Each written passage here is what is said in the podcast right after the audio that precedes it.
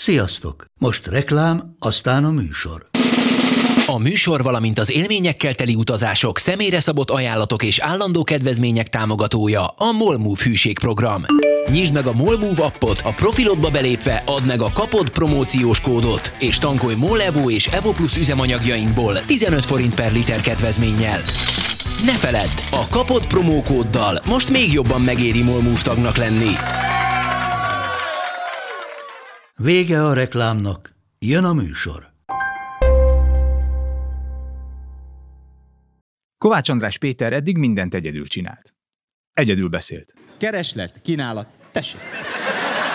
Egyedül hallgatott. Egyedül írt. Egyedül olvasott. Egyedül volt egyedül.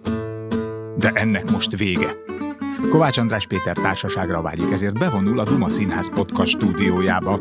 Podcast stúdió... Podcast? Podcast. És elhívja beszélgetni a kedvenc hírességeit. És ez még nem minden. Elhívja egy barátjukat is. Mert egy híresség nyomdakész. Egy barát viszont őszinte.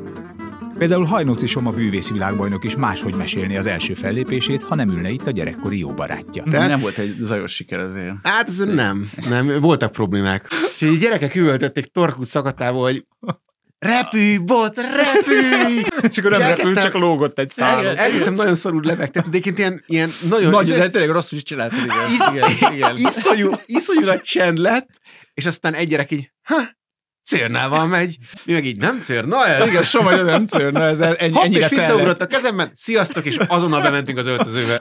És hogy hogyan tanult meg cimbalmozni Farkas Robert hegedűművész, a Budapest bár vezetője, azt is más fénytörésbe helyezi egy általános iskolai évfolyamtársa, akit történetesen Janklovics Péternek hívnak. és benyitottam, és úgy így szétnéztem, és akkor ott volt a cím, én ezen még nem is tudok És játszani. azt mondja Robi, nem ezen szoktak a még, zenekarban? én ezen még nem is tudok játszani. De Sőt, tényleg ez volt. is Mondta, ezen nem, Ezen nem is fogsz. fogsz játszani.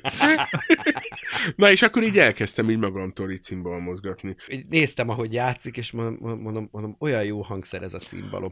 Szóval, igen, csak nehéz. Mondom, mondom, hát persze, hát mondom, ne, nincs, mondom, sehol nem, Nem nem, tudod. nehéz. Azt mondja, dehogy is, hát tudod, hány kiló egy ilyen? Bepakolni, És az is kipakolni. kiderül, hogy saját barátainkkal milyen hasonlóan gondolkodunk. Például Lovász László rádiós műsorvezető és jó magam a Lifehackről. Magánember csinál, az lifehack, hogyha ugyanezt a Henkel gyár csinálja, akkor az A lifehack az, Fejlesztés. amikor egy egyszerű feladat elvégzéséhez nagyon sokat kell barkácsolnod egy szerszámot, Igen. vagy nagyon sokat kell utána mosogatnod. Igen. Tehát, hogy lehet, hogy föl lehet vágni a- az uborkát egy mozdulattal, de mert én azt az eszközt megcsinálom, meg elmosom, Igen, és olyan, olyan jó a lifehack, hogy ahhoz egyébként öt iparvállalatnak a termékeit kell felhasználnod, hogy azt az egy dolgot létrehoz. És lesznek vendégek, például Aranyosi Peti, akik azokra az időkre is emlékeznek, amikor még nem is éltek. Galambosi Endre, aki ott volt a rádiókabaréba, Galambosi Bandi még az 50-es években került a, oda a Magyar Rádióba, és azt mondta, hogy a Rákosi beszédét neki kellett leadni a, a, Kossuth Rádión, és a Ávós tartotta a fejéhez a pisztolyt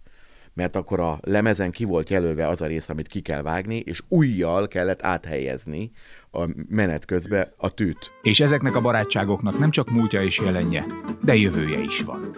Vannak jövőbeli közös terveitek? Hát szerintem... Mert Szóval elmondom, én mi lesz. elválok, Kaliforniába költözök, Igen. és végre összeházasodunk. Lásd úgy a kedvenceidet, ahogyan a barátaid. Iratkozz fel Kovács András Péter podcastjére, a Kapodra, mely minden kedden új epizódokkal vár.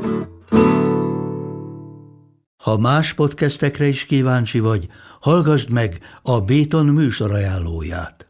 El tudod képzelni, hogy a podcastet, amit éppen most hallgattál, fél év múlva már a mesterséges intelligencia generálja? Mi sem. De ha érdekel, eljött már a gépek lázadása. Hallgass bele az Embertelen podcastbe. Orsós Lajos vagyok, a műsor házigazdája. Egyelőre még élőben. Egyelőre. Fedezzük fel együtt, hogyan ismerkedik, randizik, mesél és vitatkozik Betty és Péter, két teljesen mesterséges intelligencia. Lajos, a podcast címét mond még egyszer, Léci. Oké. Okay. Embertelen podcast.